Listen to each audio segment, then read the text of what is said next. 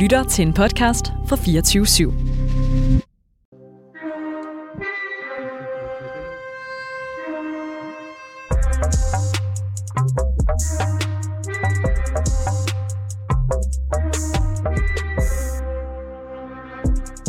Mit navn er Eskil Halberg, og jeg kalder mig selv for kommunist.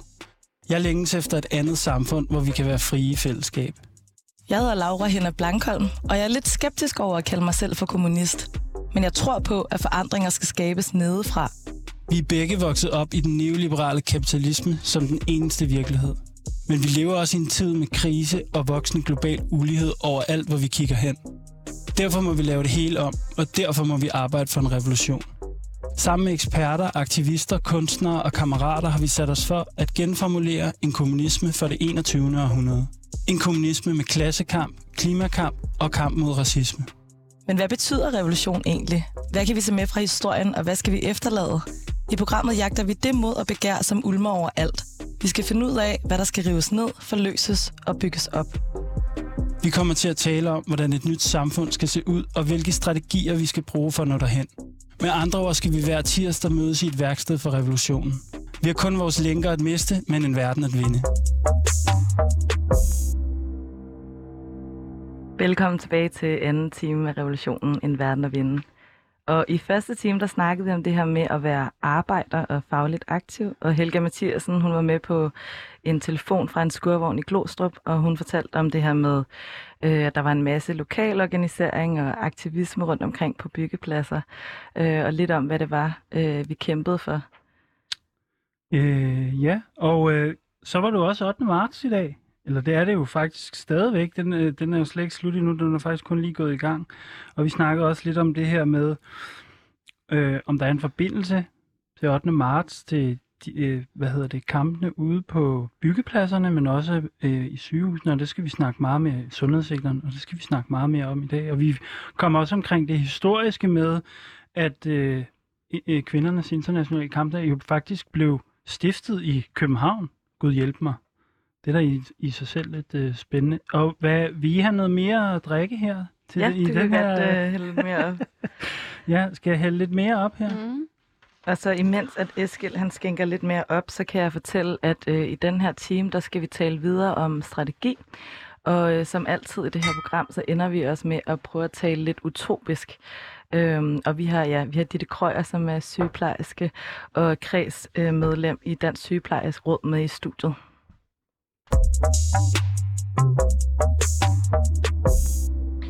Og så inden vi skal videre til talstrategier, så har vi jo øh, det her med, at vi fortæller om øh, konkrete begivenheder og arrangementer, som der sker rundt omkring i landet, som der er tegn på det her ulmende øh, oprør, som vi leder efter. Og i dag i, øh, forbindelse med 8. marts, der er der indkaldt til en 8. marts demonstration under den parole, som der er feminister imod krig og imperialisme. Og demonstrationen er indkaldt af en række forskellige feministiske og dekoloniale grupper og forskellige foreninger og organiseringer imod øh, deportationer og grænsesystemer. Det er for eksempel det kollektiv, som der hedder Collective Against Environmental Racism, den kurdiske kvindeforening, Columbia Solidaritet og Close the Camps. Og jeg læser lige lidt op for deres indkaldelse. Alt imens ukrainske flygtninge modtages med ret til ophold og arbejde, fratager den danske stat krigsflygtninge fra Syrien og Somalia deres opholdstilladelser og tvinger dem på udrejsecentre med udsigten til deportation til krigszoner. Og den her demonstration, den går fra den røde plads på Nørrebro i København til Folkets Hus. Har du set nogle 8. marts ting, der sker, Eskild? Ja, jeg har også et par ting, men jeg kunne faktisk måske spørge Ditte. Har du, det kunne være, at du også lige havde noget, du ville øh, på banen med her? Ja, altså, øh, jeg, jeg skal til en demonstration, som, øh, som går fra Rådhuspladsen. Jeg bor her i København, men der er også demonstrationer andre steder under den samme parole, øh, som handler om, øh, det kalder den kvindeoprør. Det er lidt øh, stort, synes jeg, men det i hvert fald handler mod ulige løn og demonstration, diskrimination af kvinder ind på arbejdsmarkedet. Og øh, det skal jeg til, og øh, jeg glæder mig helt vildt meget. Jeg tror faktisk, at den er lavet af nogle kommunister.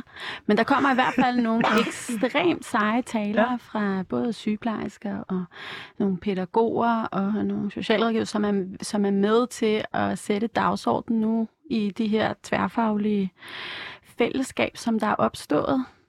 Spændende. Mm. Og den, så vidt jeg er orienteret, så er det en demonstration, der både er i Odense, Aarhus og København i hvert fald. Sådan, mm. har, jeg, Mhm. sådan har jeg forstået det. Det er det. Så så jeg en lille ting i, i Aarhus, som jeg er blevet mærket i, der, derfra, hvor jeg kommer på venstrefløjen, der er det noget, der har fyldt meget, i hvert fald blandt mine kammerater.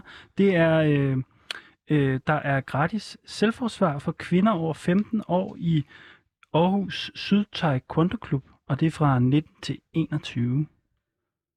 Ja, og så tænkte jeg på, altså noget, som der ikke er direkte relateret til 8. marts. Det var det her med, at i første program, så snakkede vi fra Jan, med Janse, som der fortalte om sikkerhedsarbejdere, som der strækker i London. Jeg vil lige komme med en lille opdatering derfra, fordi at øh, der er en gruppe sikkerhedsarbejdere, som der har strækket ved børnehospitalet Gosh siden den 2. februar, så det har altså været en 34 dage lang strække, den længste strække i det nationale sundhedsvæsens historie. Og de strækker, fordi at de som de eneste arbejdere i det her sundhedsvæsen ikke har ret til sygedagpenge og rettigheder som barsel, betaling af overarbejde, arbejdsskadeforsikring og pension. Øhm, og så det, de har til fælles, det er, at mange af de her strækkende arbejdere, det også er sorte migrantpersoner. Og det betyder, at de tror, der ligger noget institutionel racisme bag den her mangel på rettigheder. Øhm, men på trods af, at der er andre kollegaer, fagforeninger og også venstreorienterede politikere, som for eksempel Jeremy Corbyn, der har øh, sagt, at de støtter øh, deres strækkekrav, øh, så har de altså trukket, så har øh, hospitalet trukket øh, de strækkende arbejderes fagforening United Voices of the World i retten. Og ifølge de her arbejder, der betyder det, at det kan have store konsekvenser, både for den britiske arbejderbevægelse, enten i form af, hvordan man kan kæmpe mod racisme på arbejdspladsen, udlicitering, men også det her med at kunne strække uden frygt for at få bøder eller fængselsstraf. Så det var lidt relateret til nogle af de andre ting, vi har snakket om i dag. Og det, er en, det var også vores 8. marts opdateringer på en dag, hvor der sker mange forskellige øh, politiske mobiliseringer.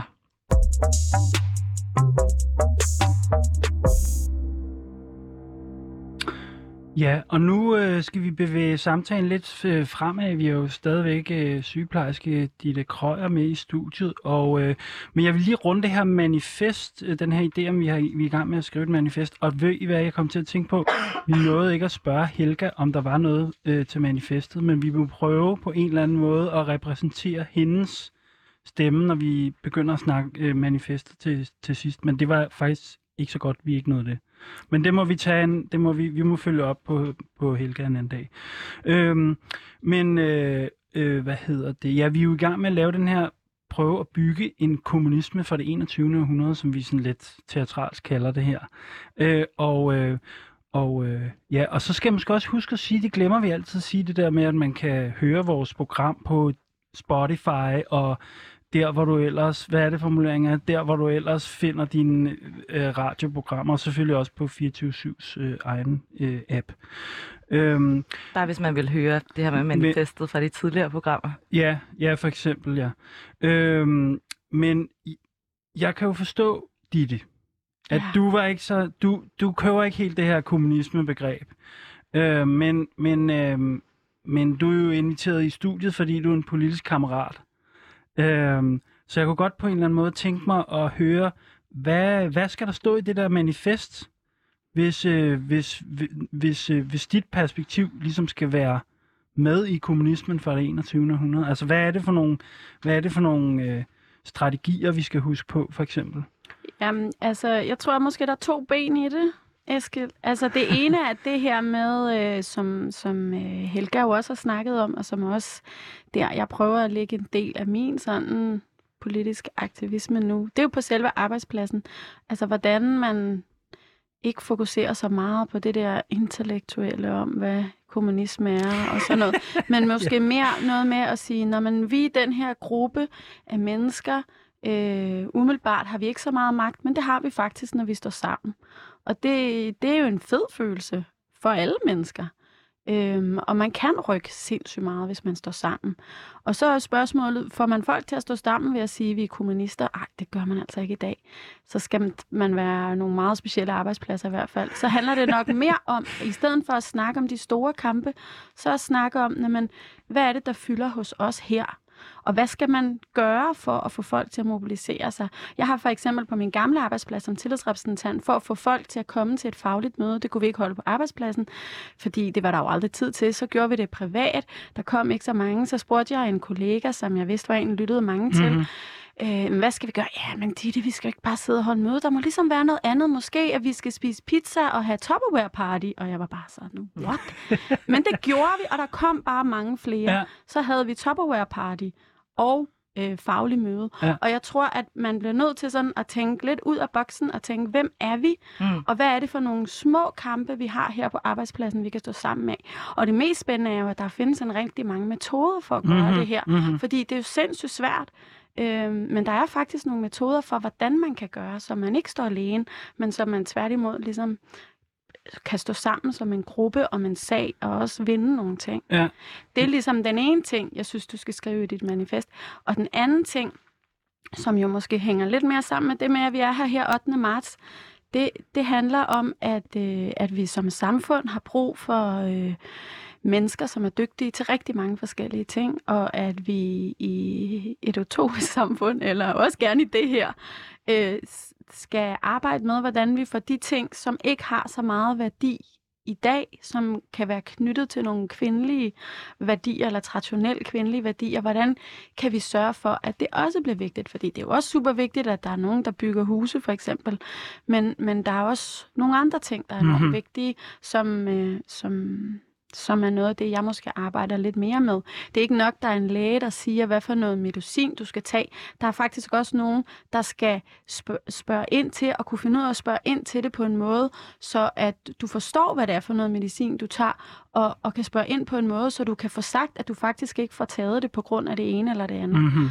Øhm, Så hvad, hvordan kunne man formulere det? Altså, at omsorgs, omsorgsarbejde skal, skal hvad? Det skal, det skal prioriteres, eller det skal anerkendes i en kommunisme? Ja. Altså, Ja, helt klart. Altså, vi, det var jo noget, vi også snakkede for, for, om med helt i første, første program. Det der med, at der er no, det, eller det, jeg synes, der er det spændende ved det, du siger, det er det, det, det her med, at der er enormt meget på i sygehusvæsenet, enormt meget vigtigt arbejde, som på en måde bliver usynliggjort. Du nævnte også i, i første time den der, sådan som jeg forstod det, det der med den, den der øh, centralisering på en måde usynliggøre en masse af de arbejdsopgaver, som især sygeplejerskerne, og måske også andre, øh, står for. Er det, er det ikke lidt rigtigt forstået? Ja, altså det er jo meget svært, synes jeg, fordi at på den ene side, så vil alle jo gerne have en speci- altså det gør jo noget ved et sted, at det er så specialiseret som muligt, men det gør også, at tingene bliver enormt centraliseret. Mhm. Øhm, Og så det andet, jeg tænkte på, som du nævnte lige før, det synes jeg var virkelig vigtigt. Det synes jeg på en måde også, vi skal have i manifestet. Det der med, at du sagde, at det var en fed følelse at få noget magt. Altså det der med sådan, det, det kan jeg godt lide. Kan du ikke sige noget, hvor, er, har, du, har du oplevet det nogle gange, sådan, hvor, det sådan, hvor, du, hvor man lige, virkelig fik sådan, yes mand, det her det kører. ja, det har jeg. Øhm, det har jeg. Øhm, og det... Øhm, altså...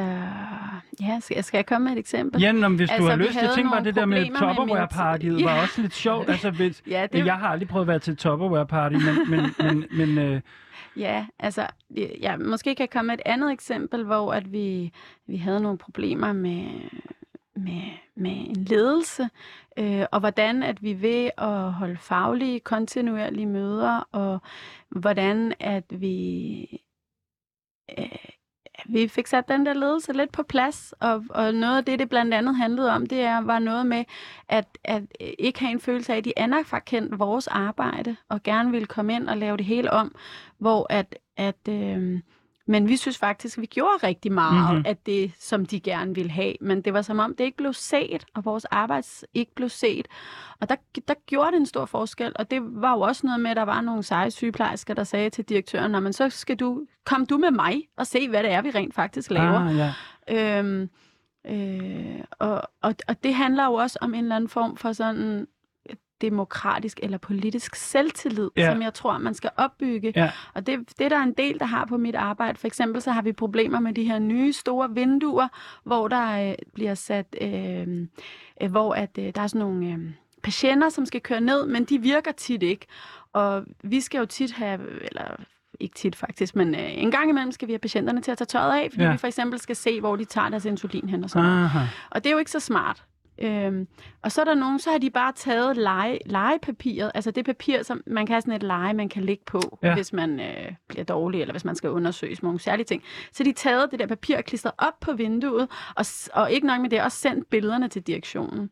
Det er ligesom, det er ligesom en måde at, at tage noget politisk magt på Ja. arbejdspladsen, hvor man, hvor man ikke bare sådan finder sig i tingene, Ja. eller sidder og brokker sig lidt i krogene, men faktisk sådan går sammen om at tør at give sin mening til kende.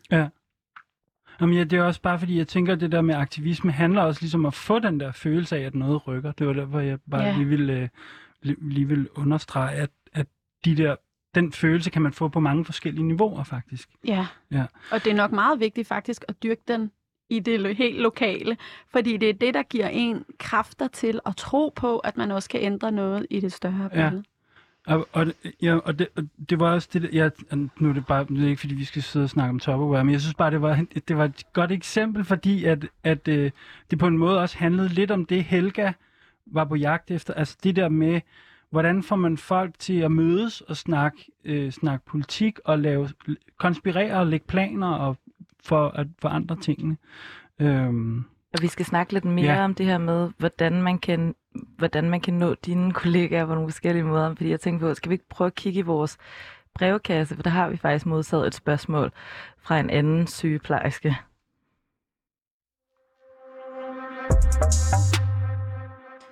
Hver uge der svarer vi på nogle spørgsmål om dilemmaer, som der bliver sendt til vores brevkasse. Og vi har et spørgsmål, som der er direkte forbundet til dig, Ditte, og det du fortæller os om i dag. Øhm, og som der måske kan åbne lidt mere op for den her snak om strategi. Og øh, jeg læser lige spørgsmålet op. Kære revolutionen, jeg er nyuddannet sygeplejerske med 6 måneders erfaring fra en medicinsk afdeling. Jeg er glad for mit fag, men den mislykkede strække i efteråret har efterladt mig mere modløs, da jeg håbede, at strækken kunne have været en mulighed for forandring i det sundhedsvæsen, hvor jeg dagligt færdes og oplever forringelser i forhold til arbejdsvilkår, hvilket medfører, at kvaliteten af min sygeplejerske daler mod min vilje. Hver dag må jeg gå på kompromis med min faglighed og min etik, da de overordnede rammer, som, skal arbejde, som jeg skal arbejde indenfor, presses mere og mere. Jeg skal nå at læse alt for mange opgaver på alt for lidt tid, og i sidste ende går det ud over patienterne, som der for eksempel bliver udskrevet for tidligt. Men mit eget helbred er også på spil, da jeg ikke altid når at få noget at spise, eller må holde mig, da jeg synes, jeg har været travlt til at gå på toilettet. Nogle nætter kan jeg ikke sove, når jeg kommer hjem, fordi det hele kører rundt i hovedet. Jeg har mest lyst til at kigge efter et andet job, hvor mine arbejdsvilkår bliver bedre, da jeg skal holde på arbejdsmarkedet i mange år. Samtidig føler jeg, at jeg svigter patienterne og mine kollegaer. Det føles tomt om at opgive ideen om et frit og lige sygehusvæsen. Hvad skal jeg gøre? Og jeg vil bare lige sige, at I kan skrive til revolutionsnabelag247.dk. Vi vil meget gerne høre jeres dilemmaer, som vi så kan tage op her i studiet. Øhm, men vi skal snakke lidt om det, som den her sygeplejerske skriver, og også den her strejke, som der bliver nævnt. Øhm, og det er jo det her dilemma med på den ene side at øh, tro rigtig meget på, at et sygehusvæsen skal baseres på øh, lighed, men samtidig at man har nogle arbejdsvilkår, som man øh, som der simpelthen gør en stresset og syg. Øhm, den her strejke, øh, som der var i efteråret, det startede jo på en måde med at handle om løn, eller det er i hvert fald det, som mange måske kan huske, og så var det en kamp mod den her tjenestemandsreform. Vil du starte dit med bare lige kort at fortælle, hvad, hvad er tjenestemandsreformen overhovedet? Ja, øhm, altså tjenestemandsreformen var jo en reform, man lavede tilbage i 1969, som handlede om, at man ville gå fra, at rigtig mange offentlige ansatte var, eller at nogen var tjenestemænd, det var sygeplejerskerne egentlig ikke, men altså man, man skulle ligesom indplacere øh, offentligt ansatte i et lønhierarki. Øhm, og og det, øh, det gjorde man så, så man satte lægerne fik ligesom øh, på en plads, og sygeplejerskerne på en plads, og, øh, og så videre med lærerne og politibetjentene og så videre. Øhm, den reform sagde man så, at øh, da man lavede den, at det formentlig skulle genovervejes, måske så noget hver tredje år, skulle man ligesom tage den op igen. Øh, den er så ikke blevet taget op siden. Øh, men man anerkendte dengang, man lavede den, at det jo ikke ligesom var øh, nødvendigvis et færdigt produkt.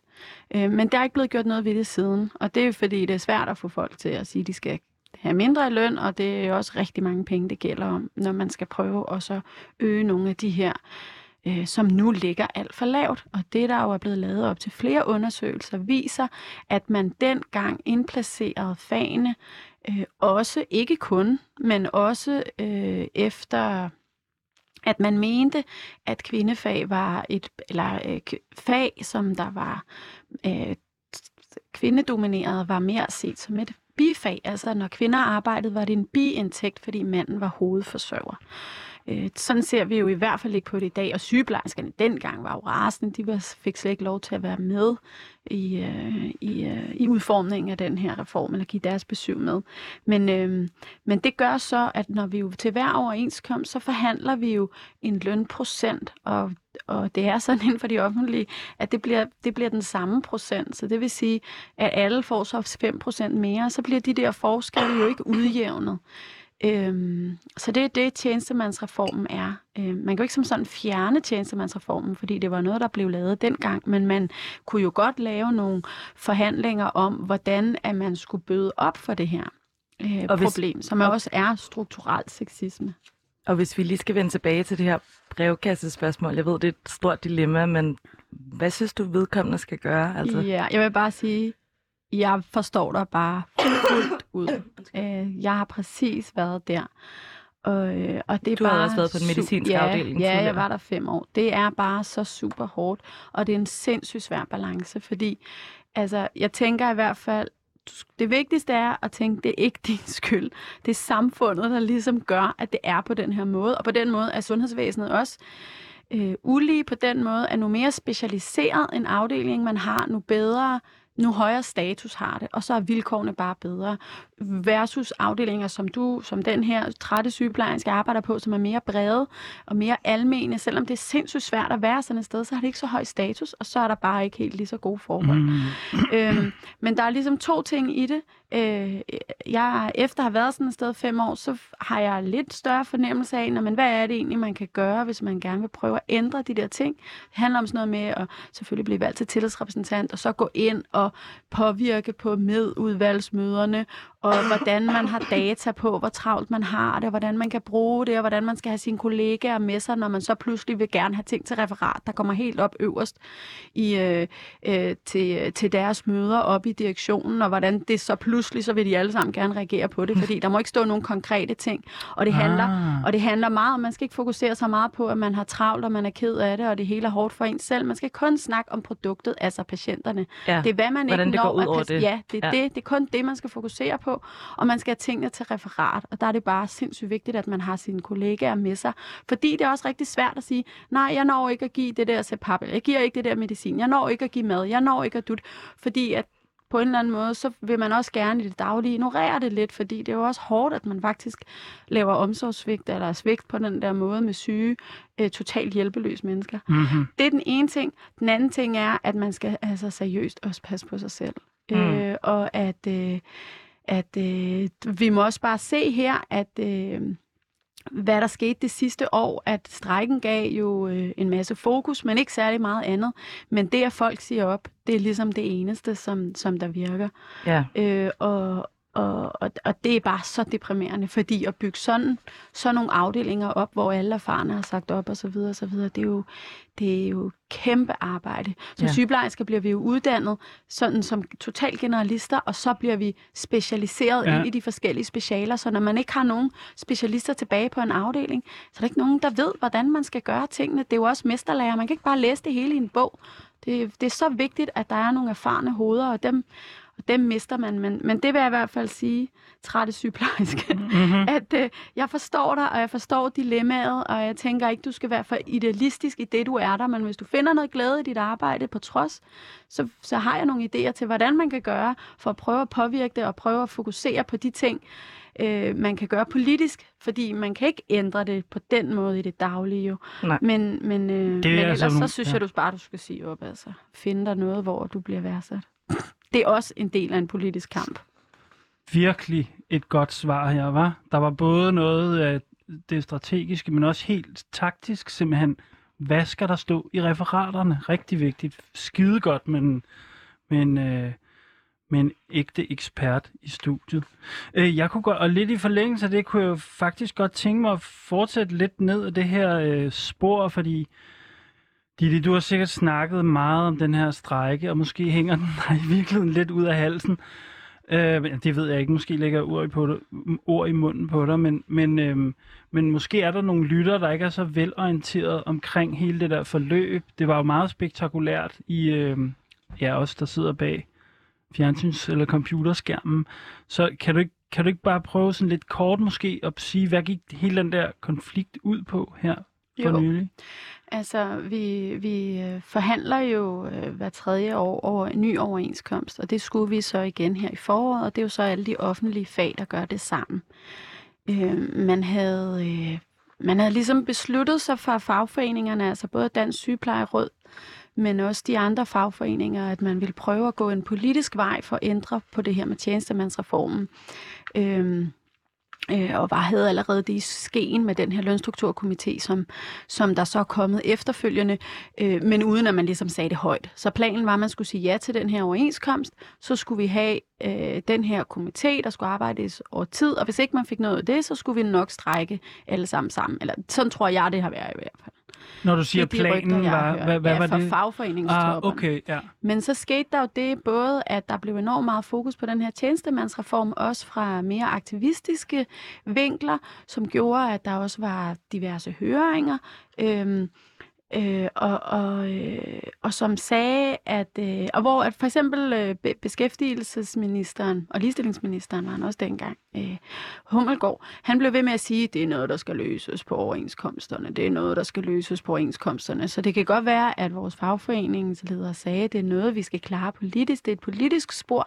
Så, så, øh, så sad, sad vores minister jo og sagde det modsatte. Og, og det tror jeg har været med til det. Samtidig med, tror jeg, der er rigtig mange, syge rigtig mange sygeplejersker, som virkelig har lagt et stort arbejde her under corona, og som øh, ikke har siddet i sommerhus og, øh, øh, og hygget sig og ikke har brug og ikke behøvet at lave så meget, men tværtimod virkelig har Ja. knoklet. Nogle har valgt ikke at se deres familie, fordi Mm. de var bange for at smitte dem.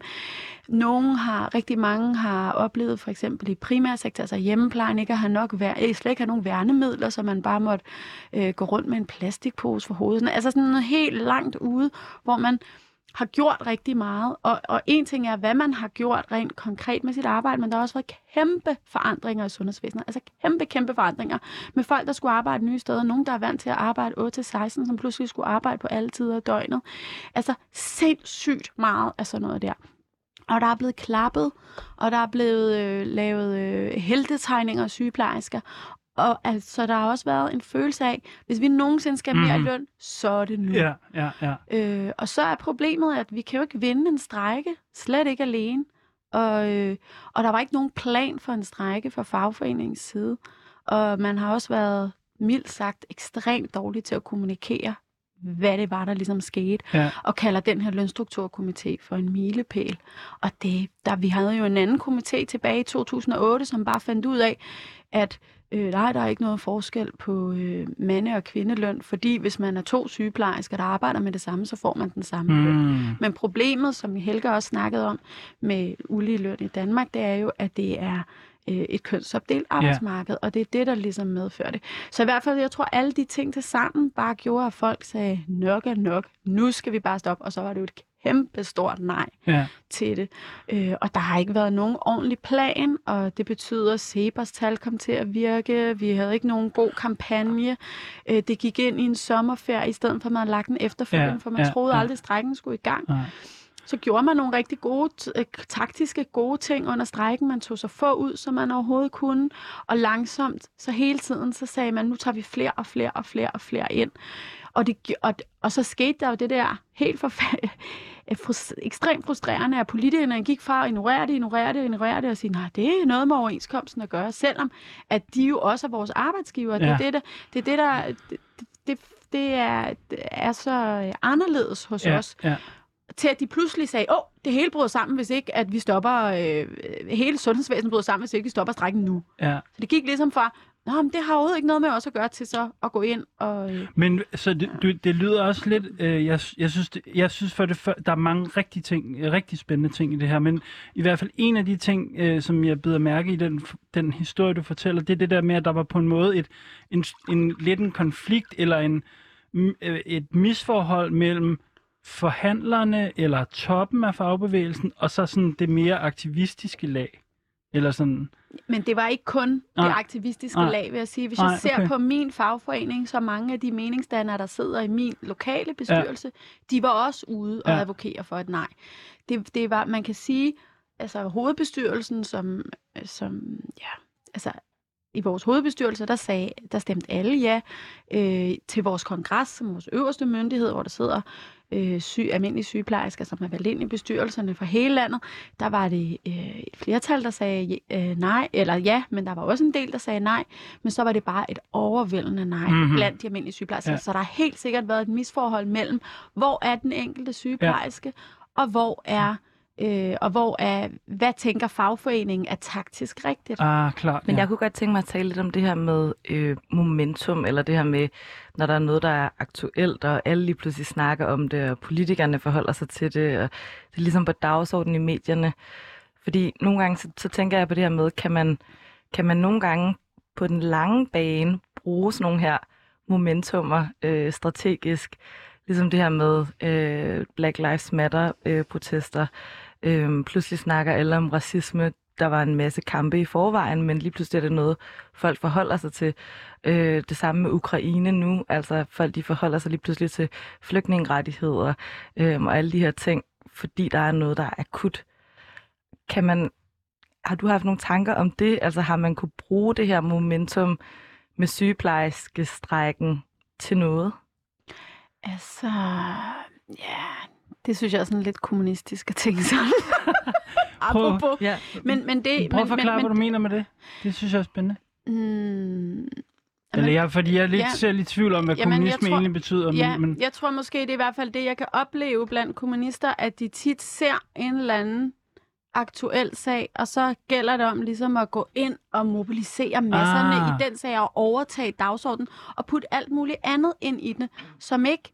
Altså, jeg var meget aktiv under for eksempel 2018 øh, overenskomsten der, og vi havde sådan en stor Facebook-gruppe med 200.000 medlemmer og sådan noget.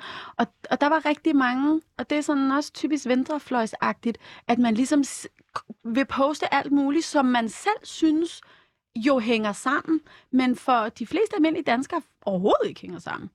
Og, Så du synes, man kupper dagsordenen, når man, Ja, så kommer og man ind og siger, at der er også alle de her andre kampe. Ja, det, det, det synes jeg faktisk. Og det, det kan da godt være, at man kunne det en gang, men der tror jeg altså ikke, vi er i dag. Der tror jeg, at man skal prøve at holde fokus på, på det, det handler om, og så prøve at opbygge noget politisk og noget demokratisk øh, selvværd mm, øh, for dem, der deltager, have følelsen af, at vi kan faktisk nogle ting mere, end man skal prøve og sådan køre det over på alt muligt andet.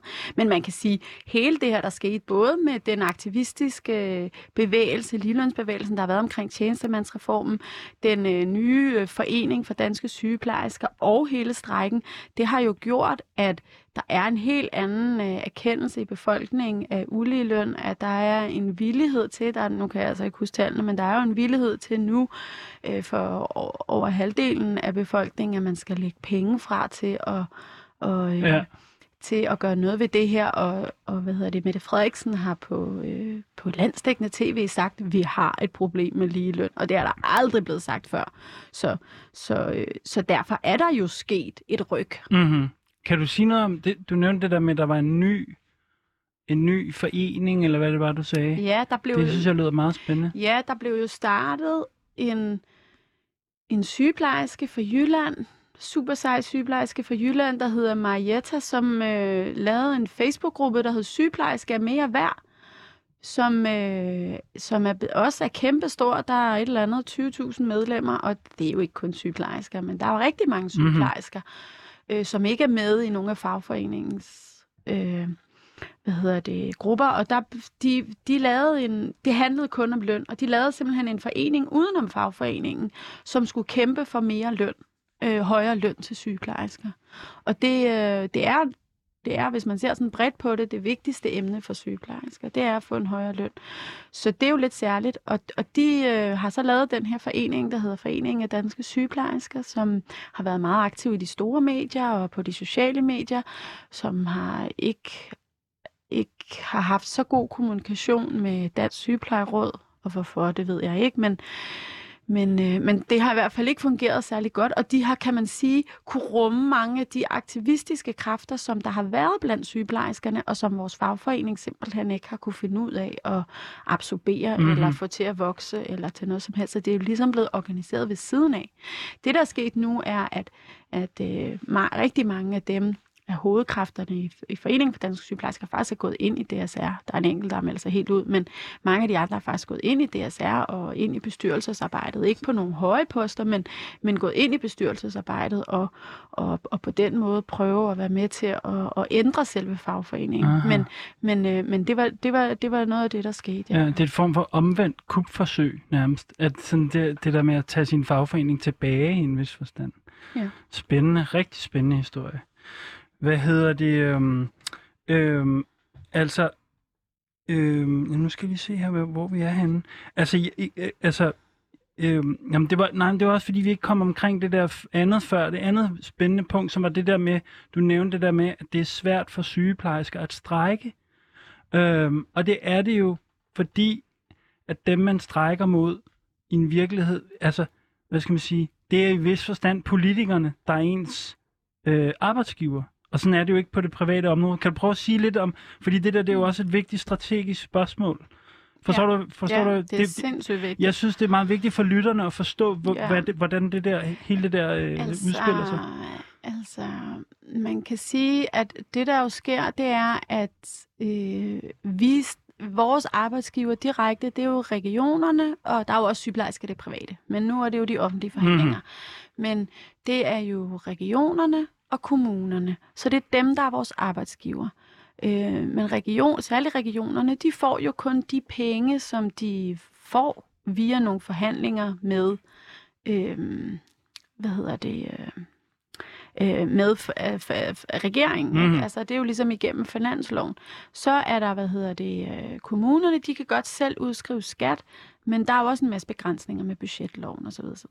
Under alle omstændigheder, så er det i hvert fald sådan, at når vi forhandler med, øh, særligt når vi, øh, når vi ved, at vi har den her ulige løn på, og det er sådan cirka 5.000 kroner per sygeplejerske ikke? om måneden, når, når, når vi ved, at vi har den, ul, øh, den mindre løn, fordi helt tilbage fra den tjeneste, man mm. så får, så er det ikke noget, man kan løse til en overenskomst, fordi til en overenskomst, så er man jo sammen med alle de andre fag. Så skulle lærerne sige, ah, okay, vi går 4.000 ja. ned i løn ja. om måneden. Det kommer jo ikke til at ske. Så det er jo ligesom nogle ekstra penge.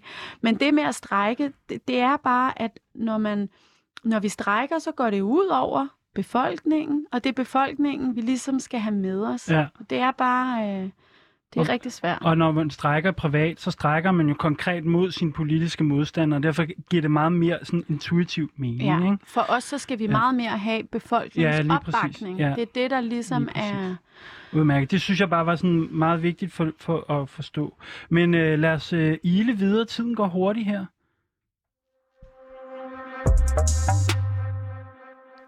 Vi skal til at tale lidt om utopier, fordi i øh, programmet så vil vi jo gerne tvinge samtalerne hen til at handle om, hvad er det, vi gerne vil, og ikke kun, hvad er det for nogle ting, som vi er imod, for at prøve at genfinde en politisk horisont og drømme lidt større end øh, den politik, der foregår på Christiansborg. Ja, altså, og jeg kunne måske godt øh, Ditte, tænke mig at spørge dig, faktisk, man må gerne øh, fantasere i det her studie, eller drømme lidt, så hvis du havde magten, dig og dine kollegaer, mm. til at bestemme, hvordan din arbejdsplads og dermed sundhedsvæsenet skulle se ud, hvad har du gjort dig nogle tanker om? Hvad er det? Hvordan ville det være? Ja, altså, øhm, det har jeg jo kun, fordi Laura har spurgt mig før. Fordi ja, ellers det, må jeg sige, det er ikke særlig tit, jeg tænker på den måde. Nej. Jeg føler måske mere, at verden går den modsatte ja, vej, så ja. det bare handler om at prøve at, ligesom at holde stand. Ja. ja. Øhm, men altså, man kan sige, sådan rent sundhedspolitisk, så tror jeg noget af det, jeg vil synes var vigtigt, det handler rigtig meget om forebyggelse og brede sundhedsbegreber. Øhm, Øh, og jo også, man må også bare sige, at det, at man for eksempel ikke har råd til at betale huslejen, men det gør også, at man har en dårligere sundhed for eksempel. Og sådan noget. Så på den måde er der jo også nogle ting, som ikke handler direkte om sundhed, men at hvis mennesker har det bedre, så har de også en bedre sundhed. Man mm-hmm. har lavet forsøg med diabetespatienter, hvor man ikke har gjort andet end at betale deres husleje, og så deres HbA, altså deres langtidsblodsukker faldet. Så, Ej, altså, det så, det er jo, så, det, så der er jo en masse ting, som, som, som måske, hvad kan man næsten sige, af sig selv vil blive bedre, men der er jo også noget med forebyggelse, hvad er det for et samfund, vi gerne vil have. Øh, hvor meget skal være frihed, hvor meget skal vi tænke over vores biologi, gerne vil have os til at gøre nogle ting, som faktisk er dårlige for os, mm. og så videre, og så videre. Ja. Der er en masse ting der. Ja. Øhm. Kan du sige lidt mere om det der med forebyggelse? Jeg er jo også lidt på jagt efter en, øh, en, en øh, ny uh, sundhedspolitik ja. fra det 21. århundrede her. Hvis vi, ja. og nu har vi jo en ekspert i studiet. Hvad, hvad, er det, hvad er den gode sundhedspolitik? Ja, det er meget bredt. Hvis jeg nu kan tage det lidt ud fra mit eget, jeg arbejder jo med sukkersyge, jeg arbejder ja. med type 1, det kan man ikke forebygge, men, men til gengæld, så kan man, øh, så er der for eksempel, øh, kan man forebygge, at man bliver sådan rigtig syg af det. Øh, og det handler blandt andet om, at øh, også at kunne få lov til at bruge noget af det teknologi, der faktisk findes, som man i dag næsten ikke kan få lov til at bruge, fordi at man vil spare på det. Så det er jo både noget med at sige, at vi har det her teknologi, hvordan kan vi bruge det til, og hvordan kan vi investere i, hvordan for eksempel teknologi eller samtaler eller forebyggende ting, at hvordan vi kan fokusere på det og bruge, bruge pengene på det, i stedet for at bagefter skulle bruge pengene på, at folk skal amputeres mm og, og, så videre. Øh, så det, det er ligesom en af tingene. Men det er jo også noget med at have et liv, hvor at det er muligt for alle at bevæge sig, og at øh, man kan snakke med nogen, hvis man er ked af det, og at man øh, føler, at ens liv giver mening, og det, man laver, er meningsfyldt. Og, altså, der, på den måde er der jo ligesom rigtig mange lag i det. Og så selvfølgelig forebyggelse er jo også at vaske hænder, for eksempel, ikke? i stedet for, at man får influenza. Ja, ja. Jamen, det, jeg, jeg synes faktisk, det her, det her er jo det er også spændende, fordi at du ikke bliver stillet det spørgsmål så tit, faktisk. Hvad, hvad, er, det gode, hvad er den gode sundhedspolitik? Øhm, sådan, øhm, og, og jeg tænker, altså, når, når man stiller den slags spørgsmål, så åbner det jo ligesom op for, at det handler om forebyggelse, det handler om vask hænder, det handler måske også om at få adgang til gratis øh, hus, øh, hvad hedder det, tag over hovedet simpelthen. Ikke? Det er i sig selv spændende, at de der ting er enormt øh, faktisk enormt forbundet. Men måske, øh, vi har ikke så meget tid tilbage, men jeg kunne godt, bare godt tænke mig at vende lidt tilbage til din arbejdsplads, og så spørge sådan til sidst, sådan, hvad er en god arbejdsplads for dig? Altså, hvad er det, du slås for? Mm. Altså, det, det, som er en god arbejdsplads for mig, det er jo et sted, hvor at, øh, at jeg får lov til at lave noget, der giver mening. Øh, at jeg kan få lov til at øh, være med til at strukturere, hvordan min, hvordan min hverdag ser ud, hvordan forløbene skal være. At jeg øh, bliver lyttet på, øh, og at jeg er et sted, hvor vi hjælper hinanden, og, og, og hvor det bliver anerkendt, også det, jeg også kan. Altså, det synes jeg altså også, det gør der, hvor jeg er nu. Ellers så var jeg der heller ikke. Men, men, men at, øh, ja, at det bliver anerkendt, og at man, at man inddrager os, der ser patienterne og ser og laver det konkrete arbejde. Og måske også rigtig meget noget med at sige, øh, det har lige så høj værdi, det synes jeg, vi måske mangler lidt stadig på min arbejdsplads, det er lige så høj værdi at være den, der snakker med patienten og hjælper dem til ting, som det er at være dem, der sidder og laver forskning på, om hvordan man skal ah, snakke med en ja, patient. Ja. At der, der er ligesom en diskrepans, og det ser vi rigtig meget inden for sygeplejefaget, hvor rigtig mange år vil være over at være dem, der er forskerne. Både fordi, at så skal man ikke stå i det der, som den trætte sygeplejerske gør, øh, og samtidig får man faktisk en bedre løn. Ja. Fordi det er lidt, det er lidt, det er lidt finere at være sådan, øh, at være akademisk omkring ting, ja. i stedet for at rent faktisk at gøre arbejde. Ja, det skal vi, det skal vi altså til livs, det der. Det skal mm. ødelægges, det der. Mm. Og jeg øh. tror, at akademikerne skal begynde at se sig selv mere som nogen, der skal facilitere en udvikling blandt dem, der laver det konkrete arbejde, ja. mere end de er nogen, mm. der skal komme og øh, intellektualisere ja. på, hvad det er, der sker. Rigtig god pointe, det der. Udmærket. Jeg skriver lige lidt ned her, vi har jo det til sidst. Øhm, ja. øhm, så, så pointen her, det var det her med, at jamen, akademikere skal ikke udforme forskellige teorier, som praktikerne så kan følge. Det er nærmere omvendt, altså det er praktikerne, der på en eller anden måde skal bestemme, hvad er det for noget viden, vi mangler, øh, for at kunne gøre det, vi gør bedre. Øhm, og nu skal vi til det her med en tale, fordi noget af det, jeg rigtig godt kan lide ved 8. marts, det er jo talerne. Og det hænger også sammen med øh, den her utopisnak, som vi allerede er inde i, fordi i taler, der kan man nemlig gå helt op på den høje klinge og ligesom tale til det her kampgejst. Øhm, så Ditte, jeg vil gerne øh, give ordet til dig, fordi du har lavet en 8. marts tale. Ja, det har jeg. Så øh, den kommer her. I dag er det vores kampdag. Kampdagen er gammel, og mange kampe har vores møder, bedstemøder, oldemøder og tibollemøder allerede kæmpet og vundet for os og til os. Så vores hverdag, vores liv, vores verden i dag ser helt anderledes ud, end den gjorde for kvinderne i det forrige århundrede. Men så er der andre ting, som ikke har ændret sig synderligt de sidste 100-200 år. For hvad er vigtigst i vores samfund? Hvilke kvaliteter sætter vi sammen pris på, og hvilke opgaver værdsætter vi mest? Omsorg, nærhed, trøst, at blive set, at blive støttet i at kunne klare sig selv, at føle os gode nok, som vi er. Det er noget af det vigtigste i vores liv. Alligevel så giver vi ikke de mennesker, som arbejder inden for de her områder, en rimelig løn eller rimelige arbejdsforhold. For nylig havde jeg en konsultation med en patient. Han var meget svært syg af flere kroniske sygdomme, som fuldstændig invaliderede hans liv. Det var en meget svær samtale. Men da vi sagde farvel, så smilede han stort og sagde tak, og hvor er det godt at tale med jeres sygeplejersker. I kan noget helt særligt. Vi kan ikke noget helt særligt. Vi kan vores fag, hvor vores perspektiv er det hele menneske. Det betyder, at vi kan lytte til et menneskes lidelser på en måde, så han føler sig set. Så vi hjælper ham med, på trods, at tage kontrol over sit eget liv, og giver ham håb ved også at fokusere på det gode, han har i sit liv. Hvilket er lige så vigtigt som at få den rigtige medicin. Men det er opgaver og værdier, vi forbinder med det traditionelt kvindelige og ikke værdsat i vores samfund. Vi mangler sygeplejersker i Danmark, ja faktisk i hele verden. Men vi gør ikke noget for at gøre jobbet mere attraktivt. Tværtimod. Konstante nye opgaver og besparelser gør det samme antal sygeplejersker skal varetage langt flere opgaver end før i tiden. Vi viser, at vi ikke værdsætter det kvindelige ved at underprioritere det, som er kvindeligt i vores samfund. Lønnen for sygeplejersker er markant lavere end lønnen for f.eks. diplomingeniører, bygningskonstruktører, bankfunktionærer.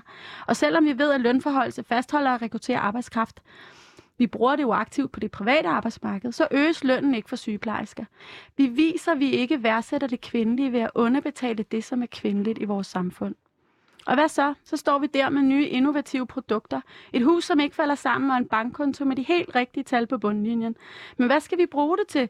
Hvis vores børn mistrives i børnehaven, og vores kæreste må føde alene, og vores bedstefar overses på plejecentret. Vi har jo 10 år underprioriteret de såkaldte omsorgs- og velfærdsfag, når det gælder løn, når det gælder arbejdsvilkår og når det gælder muligheden for at udføre et tilfredsstillende stykke arbejde.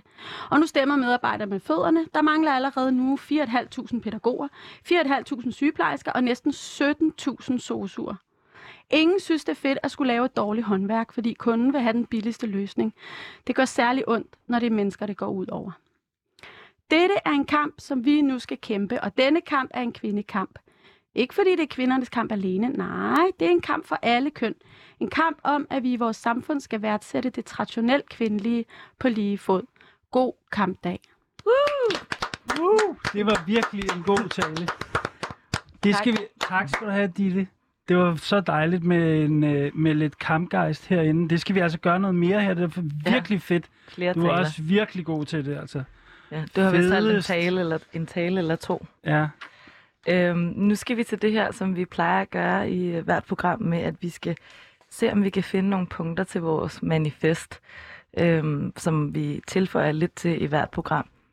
Øhm, og jeg tænkte på, at noget af det, som jeg i hvert fald tog med fra det Helga sagde, øh, og Ditte, det er det her med, at jamen, kampene er ligesom i vores, skal findes i vores hverdag, i stedet for noget, der er langt væk, altså på vores arbejdspladser. Ja, det synes jeg også er vigtigt, og det var, jeg synes, det var godt, det der gok i nøden til akademikerne.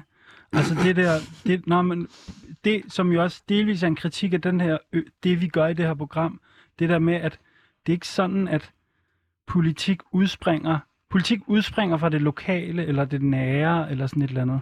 Øh, eller er du lidt med, hvad tænker du om det der, Ditte? Vi, vi er jo i gang med at lave det her manifest, som ligesom vi prøver at få gode idéer til, øhm, til en ny verden. Er du lidt mere...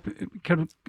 Ja, jeg forstår godt, hvad du siger. Altså, jeg synes jo også, det er vigtigt med politiske teorier, eller teorier i det hele taget, ja. og viden på den Ja, ja. måde.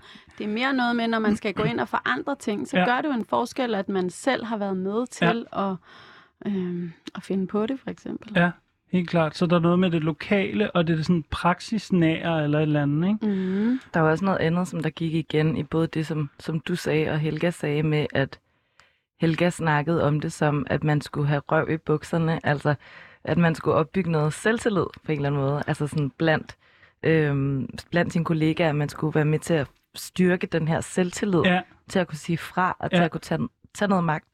Ja det var, og det nævnte du også, det, det der med, at det er en fed følelse at få noget magt, eller få en fornemmelse af, at man kan være med til at bestemme. Det tænker jeg virkelig også, kommunisme handler om. Det der med at give sådan gejst, eller sådan øh, gøre noget, hvor man kan mærke, at det her, det er betydningsfuldt, eller et eller andet. Mm. Øhm, Men det der med Tupperwaren, som du fortalte, den der, ane- at den der anekdote, altså den anekdote med, at det giver ikke mening at stå ude på arbejdspladsen med dine kollegaer og sige, kom herover, jeg er kommunist.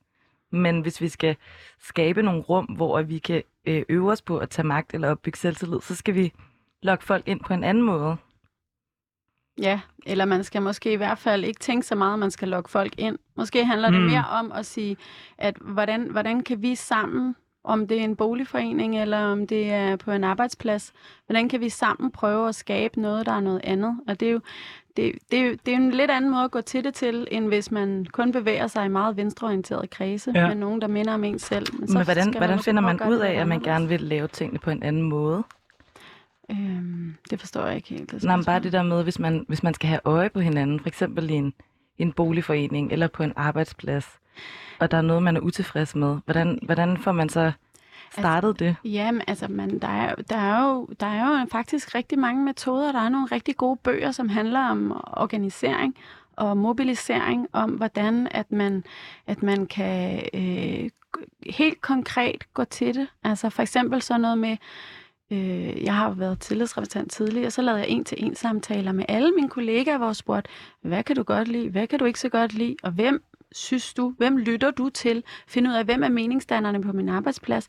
Og det er jo så hvad vigtigt. mener du med det der med, hvem er meningsdanner på arbejdspladsen? Jo, men hvis du skal have en hel arbejdsplads til at gå sammen, så er det ikke nok, at du en person synes noget.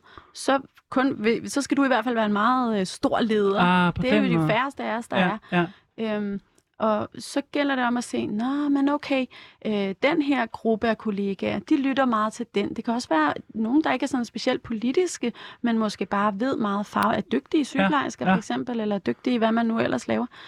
Så find, spørg, find ud af, hvem er de, og, og så få dem med, altså få dem med i at og, og hele tiden vende tingene med dem, så når man prøver at gå videre med noget, så at man at det ens, de er, hvad skal man sige, øh, adgangsbilletten til Ja. baglandet. Ah, klart. Fordi hvis de synes, det er en dårlig idé, så synes halvdelen af arbejdspladsen også, det er en dårlig Ja. idé. Og så kan det godt være, at du selv og, øh, øh, og To dine venstrehåndede andre. venner, ja. venner øh, et andet sted, for at synes, det er det fedeste i verden, men så sker der jo ikke så meget. Så Nej.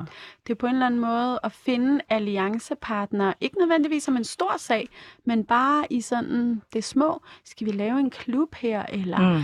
øh, skal, vi, øh, skal vi prøve at skrive et brev til ledelsen om det her? Eller? Og få øje på nogle af dem, som andre lytter til, og Ja. som der har en gennemslagskraft i deres Ja. lokalmiljø Ja. eller Og i det er ikke deres sikkert, fællesskab. at det er dem, man er enig med politisk, og det er jo der, at det gælder om at gå meget på kompromis. Det er altså rigtig spændende, det her. Og ikke snakke så meget om kommunisme. Ja, klart. det må, vi, det må vi så reservere til det her radioprogram. Altså, når vi så organiserer vores arbejdspladser, så skal vi ikke have snakket så meget om det. Men det tror jeg egentlig godt, jeg kan leve med. Men øhm, tiden løber Og der var, faktisk. der var også det her med, at vi skulle huske til allersidst, at man skal opbygge selvtillid lokalt for at kunne ændre det store billede ja. Senere. ja. Udmærket. Ja, men altså, tiden er løbet. Øh, tusind gange tak, Ditte Krøyer, øh, øh, øh, sygeplejerske. Og du var også, det glemte vi at skrive ned, øh, øh, medlem af kredsbestyrelsen. Ja, ja det har, det har? Laura faktisk ah, okay. sagt. Jeg er medlem af kredsbestyrelsen ja. i DSR Hovedstaden. U- udmærket. Men øh, jeg hedder Eskil Halberg. Ja, jeg hedder Laura Henne Blankholm, og vores redaktør hedder Rebecca Nørum, og i regien, der har vi Felicia Sara. Glædelig kampdag.